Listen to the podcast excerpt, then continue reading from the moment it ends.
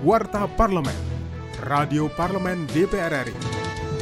Dari Gedung DPR Senayan, Jakarta.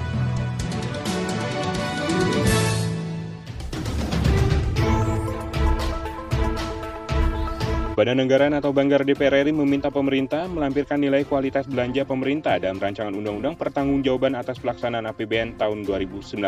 Usai memimpin rapat Badan Anggaran dengan pemerintah terkait draft RUU atas penanggung-jawaban atas pelaksanaan APBN tahun 2019, Wakil Ketua Banggar DPR RI Cucun Ahmad Samsurical mengatakan DPR RI tidak hanya membutuhkan nilai serapan anggaran dalam bentuk angka, tetapi juga dalam bentuk output dan outcome yang dapat menjadi catatan ke depan.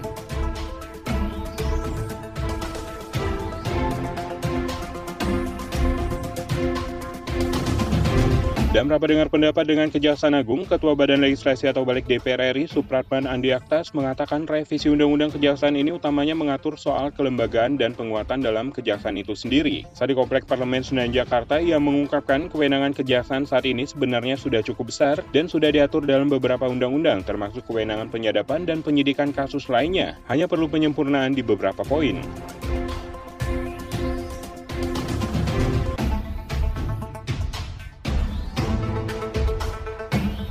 Usai menggelar rapat tertutup dengan eselon 1 Kementerian Kesehatan Republik Indonesia di Gedung DPR RI Senayan Jakarta baru-baru ini, anggota Komisi 9 DPR RI Mesak Mirin khawatir PON Papua yang digelar tahun depan tidak berjalan sesuai dengan harapan, mengingat anggaran di sektor kesehatan tidak mencukupi. Ia menilai anggaran senilai 23 miliar rupiah untuk Rumah Sakit Umum Daerah Duk 2 Papua untuk menangani penyelenggaraan PON di Papua tidak cukup untuk menangani persoalan kesehatan di tengah pandemi COVID-19.